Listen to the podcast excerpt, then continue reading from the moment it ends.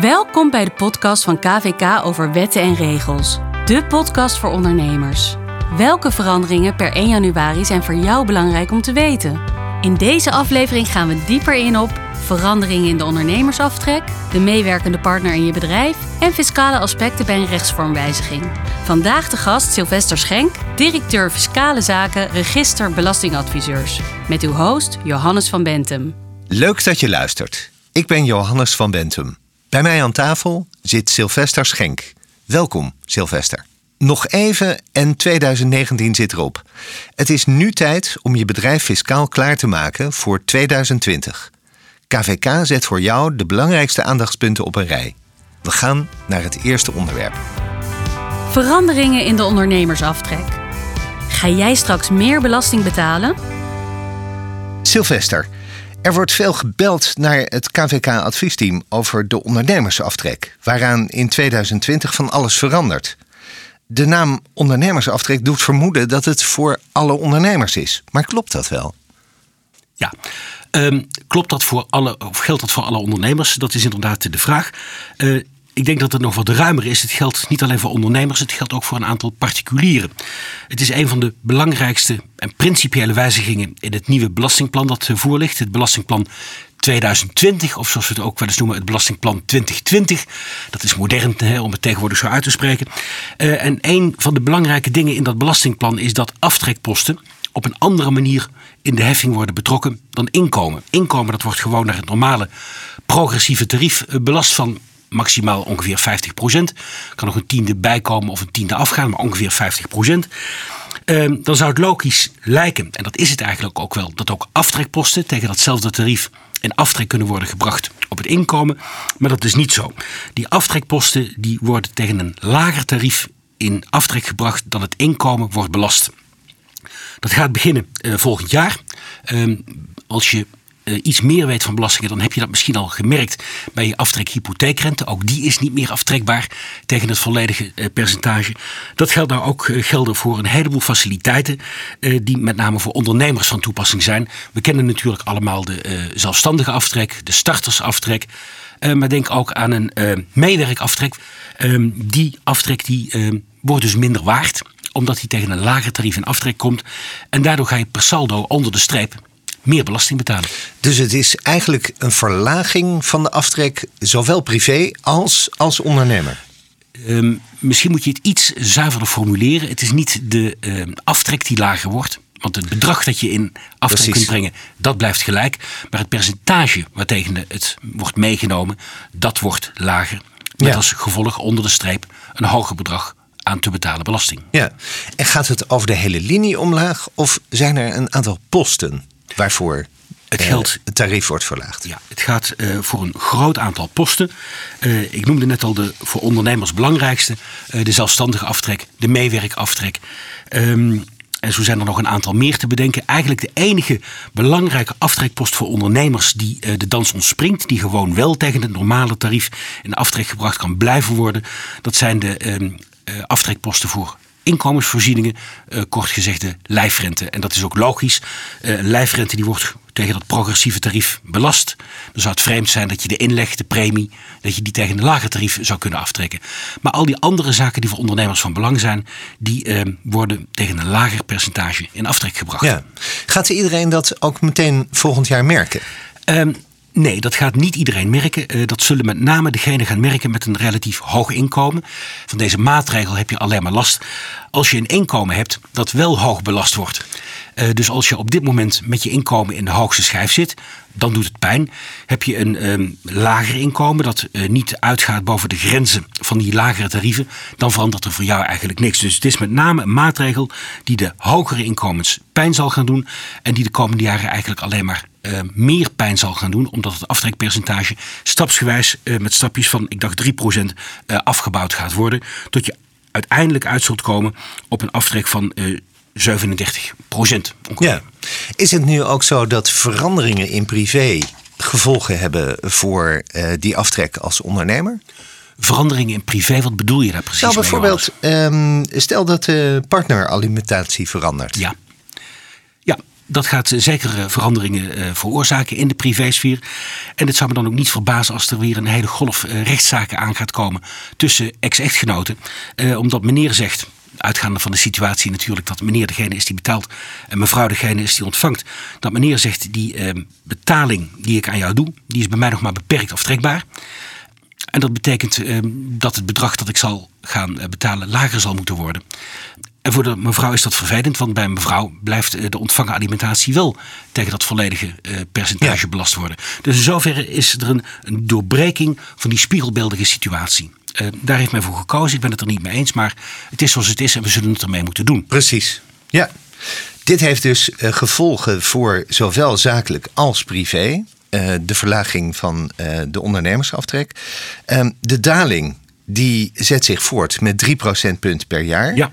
En in 2020 of 2020 ja. alleen voelbaar voor ondernemers die het hoogste belastingtarief betalen. Dan praat je over ondernemers eh, met een inkomen van iets meer dan 68.000 euro. Dat is een behoorlijk inkomen. Het is tegelijkertijd ook weer niet uh, de wereld. Als je een beetje goed lopende tent hebt, dan zou het moeten gelden. Maar vanaf uh, eh, 68.000, om precies te zijn, 68507, maar die laatste euro's die moet je maar maar schenken, heb ik met deze maatregel te maken. en wat ik zei, een puntsgewijs, of een, een, stapsgewijze afbouw van 3 procentpunten per jaar. En dat betekent dat wij in 2023, en dat lijkt nog ver weg, maar dat is het natuurlijk zo, uiteindelijk uitkomen bij de eindsituatie waarbij dit soort aftrekposten nog aftrekbaar is tegen een tarief van 37,05 procent. Ja, dankjewel.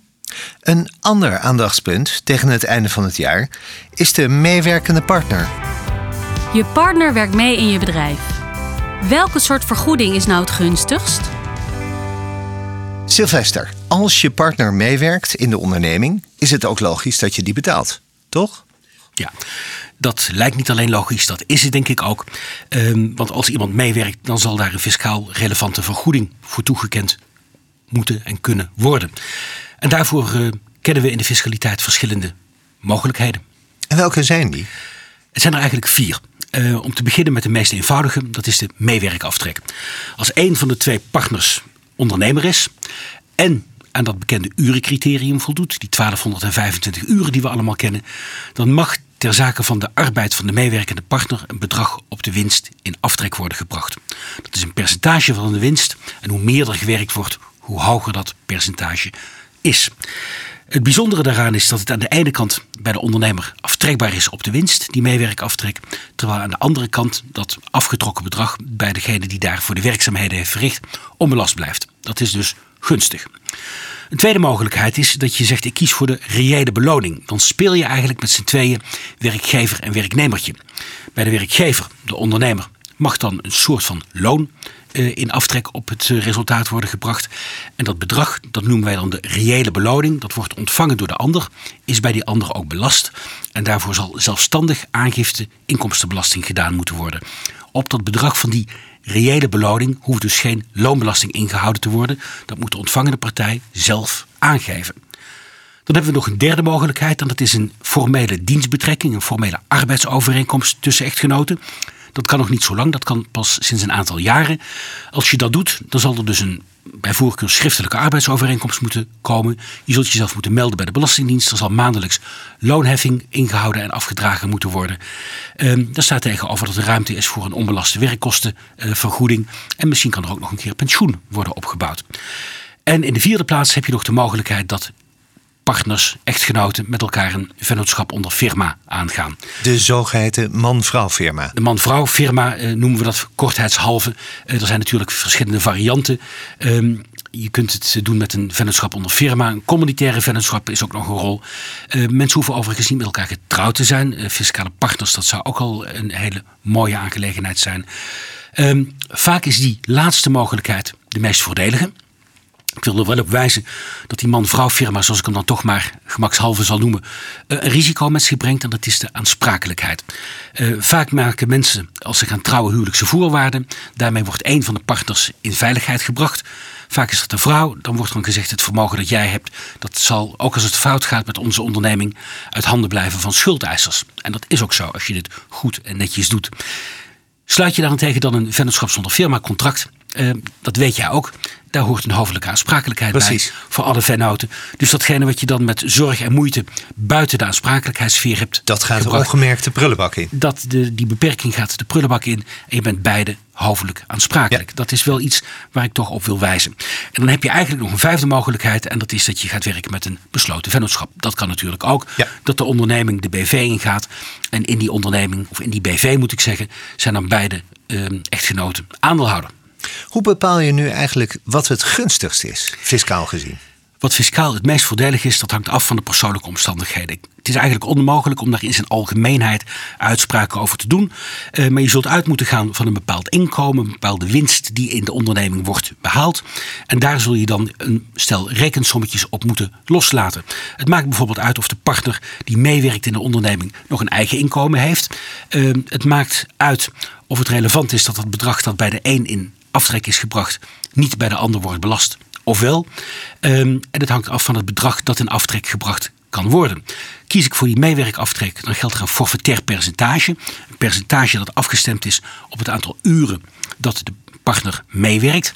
Eh, dat levert een vast bedrag op. Als je zegt die partner die werkt meer uren mee. Of het uurbedrag dat ik aan mijn partner kan toekennen, dat is hoger. Als daar bijvoorbeeld sprake is van gekwalificeerde werkzaamheden. Ja, dan zou het zo kunnen zijn dat je met die andere mogelijkheden, andere mogelijkheden dan de meewerkaftrek, per saldo voordeliger uit bent. Ja. Waar moet je nog meer op letten? Eh, in de eerste plaats is het natuurlijk van belang of je in aanmerking komt voor toepassing van die meewerkaftrek. We hebben hem net genoemd als optie, als mogelijkheid, maar dan moet die wel toegankelijk zijn. Eerste voorwaarde daarvoor is dat degene die de onderneming drijft ondernemer is. Ondernemer in de zin van de inkomstenbelasting is, in fiscale zin dus ondernemer. En in de tweede plaats zal de ondernemer de urengrens moeten halen. Die 1225 uren, die zal door de ondernemer gehaald moeten worden. Wil de partner in aanmerking komen voor de meewerkaftrek. Dat is in de eerste plaats van belang.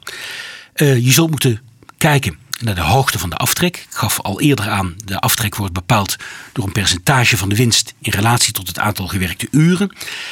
In de derde plaats eh, zal vanaf volgend jaar die meewerkaftrek minder gaan opleveren, omdat die natuurlijk nog maar tegen een lager percentage aftrekbaar is. En de komende jaren zal dat probleem alleen maar groter gaan worden. Want dat Ja. wordt immers met 3 procentpunten per jaar afgebouwd om in 2023 uit te komen op 37,05 procent.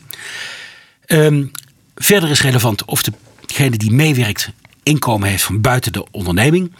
Ehm, en bij de meewerkaftrek is het verder zo dat dat een forfaitair bedrag is. Je gaat dus niet kijken ehm, of die uitkomst van de meewerkaftrek per saldo wel in overeenstemming is met de werkelijkheid. Het kan zo zijn dat als daar relatief eenvoudige werkzaamheden worden gedaan, laten we zeggen schoonmaakwerkzaamheden of kassawerkzaamheden, ehm, dat er toch een relatief hoog uurtarief aanhangt de toepassing van de meewerkaftrek. Dus een heleboel opties, een heleboel mogelijkheden, maar sterk individueel bepaald. Eh, en ik kan me heel goed voorstellen dat je daar een ander eens een keer naar laat kijken. Ja. Wordt het aantrekkelijker om dan de partner in loondienst te nemen? Het kan aantrekkelijk zijn om de partner in loondienst te nemen. Als jij zegt de meewerkaftrek levert mij een te bescheiden aftrek op. Ehm, en ik zou een grotere aftrek kunnen krijgen met de partner in loondienst. Dan zou je dat kunnen doen. Dat heeft uiteraard administratieve gevolgen. Zult moeten aanmelden, je zult een loonadministratie moeten bijhouden. Ehm, je zult maandelijks moeten afdragen. Vergeet je dat, dan zal er een naheffing worden opgelegd, dan zal er een boete worden opgelegd. Dus dat moet je niet willen. Maar het kan wel degelijk voordelig zijn om niet te opteren voor de meewerkaftrek, maar voor een loondienst of voor een reële beloning.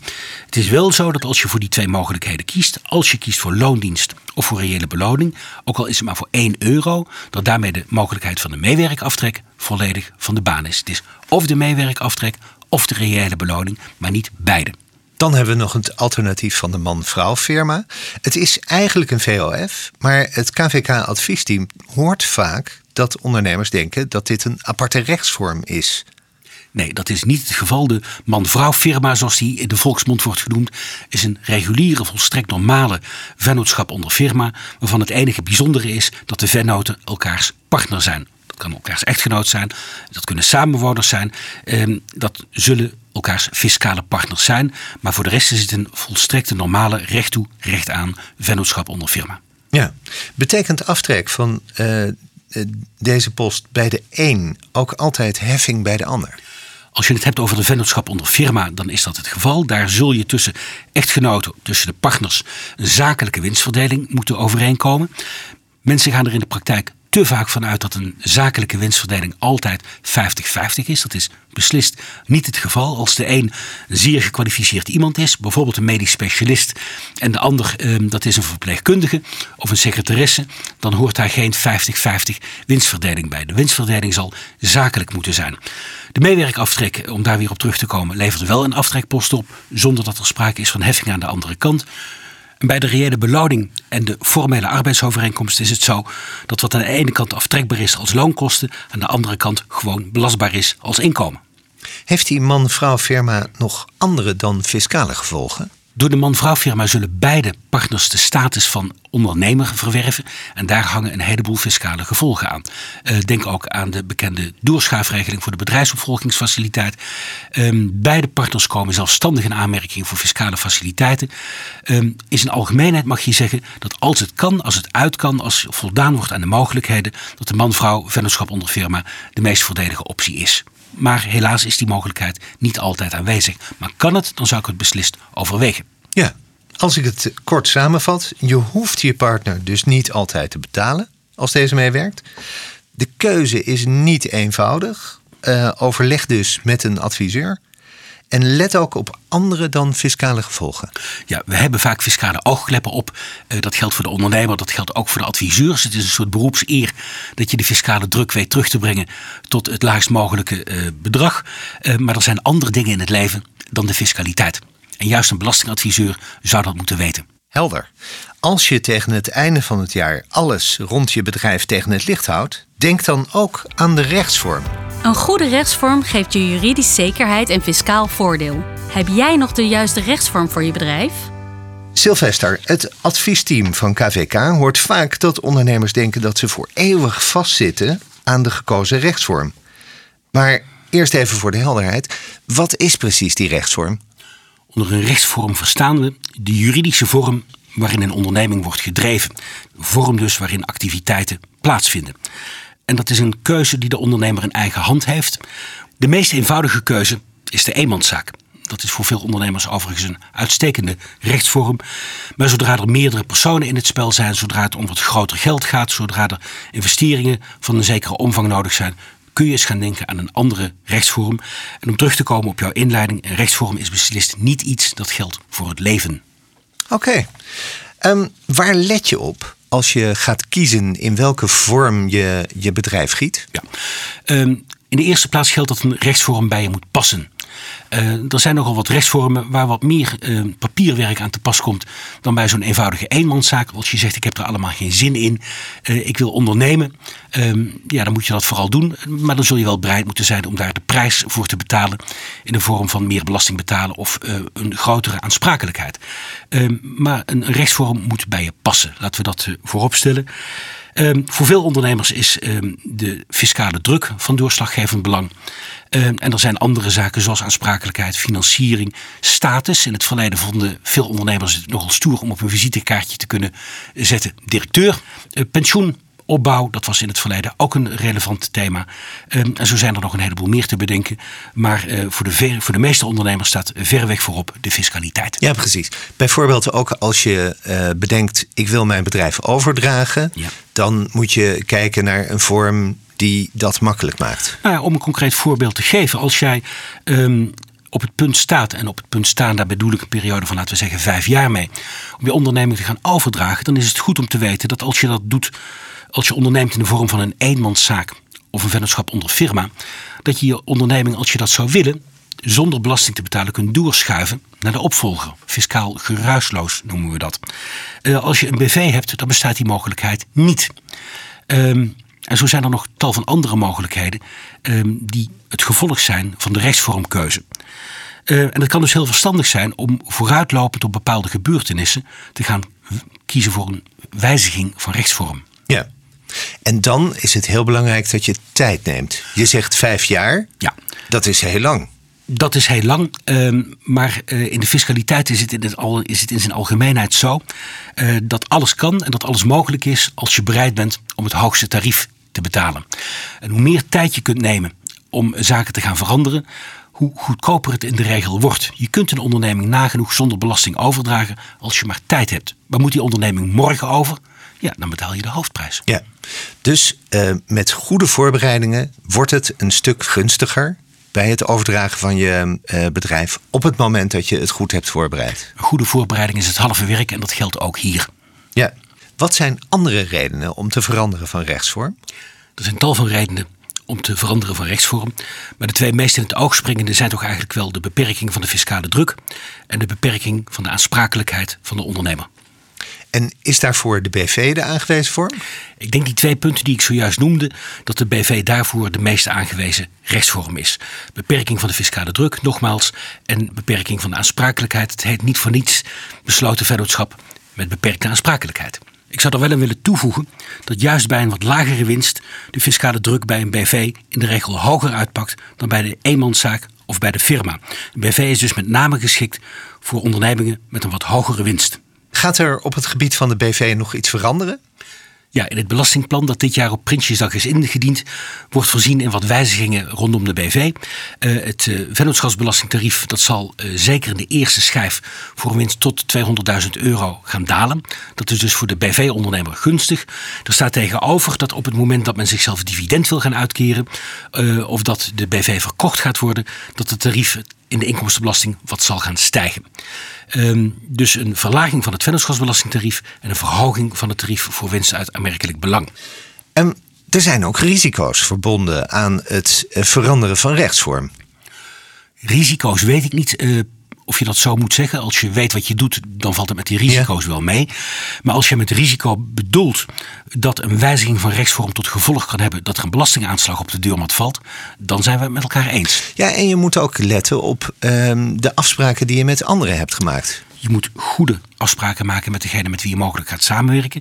En wat nog wel eens een keer vergeten wordt, ehm, als jij in het verleden afspraken hebt gemaakt met anderen en je gaat je rechtsvorm veranderen, eh, dan moet je erop letten of die afspraken gewoon blijven staan. Ik heb zelf een keer meegemaakt dat een autodealer eh, de BV inging. Um, en opeens tot de conclusie kwam dat hij zijn dealercontract kwijt was, omdat dat contract gekoppeld was aan zijn persoon. En de, die, de, de importeur in kwestie die zei: Ik vind het prima uh, dat jij een BV hebt, maar ik doe zaken met jou en niet met jouw BV. Uh, en zo zul je dat in zijn algemeenheid moeten nagaan. Wat zijn de gevolgen van een rechtsvormwijziging? Men kijkt vaak heel goed naar de fiscale gevolgen, maar er zijn ook andere gevolgen. En een daarvan noemde ik net, dat zijn gewoon civielrechtelijke gevolgen. Ja. Hoe verander je eigenlijk van rechtsvorm? Hoe verander je van rechtsvorm? Dat is een goede vraag. Uh, meestal gebeurt dat doordat er een contract wordt afgesloten. Je deed het tot nu toe in je uppie. Je gaat uh, verder samen door het leven met een compagnon. Dat kan je partner zijn, dat kan ook een zakelijke compagnon zijn. Ja, dan zul je met z'n tweeën of met z'n drieën een contract sluiten waarin de vennootschap onder firma wordt vastgelegd, tot stand komt. En daarmee uh, heb je eigenlijk de bestaande rechtsvorm gewijzigd in uh, een nieuwe rechtsvorm. Als jij met je vennootschap onder firma de BV ingaat, ja, dan breng je in, dan richt je een BV op en je brengt het vermogen in, in die BV. Op dat moment wijzig je de rechtsvorm. Als jij zegt, ik wil niet langer door met een BV, ik ga weer door als eenmanszaak, dan zul je de BV moeten liquideren en dan wijzig je op die manier de rechtsvorm. Ja, en uh, met wie krijg je dan allemaal te maken? Uh, de bank, KVK, ehm, een notaris? Ja, je merkt in de praktijk heel vaak dat een ondernemer één vertrouwenspersoon heeft. Uh, dat was vroeger misschien de dominee of de pastoor. Uh, dat kan de accountant of de boekhouder zijn. Dat kan de notaris zijn. Dat kan een advocaat zijn. Dat kan een fiscalist zijn. Dat kan een medewerker van de Kamer van Koophandel zijn. Uh, vaak is er één persoon die de lead heeft. En dat is ook goed.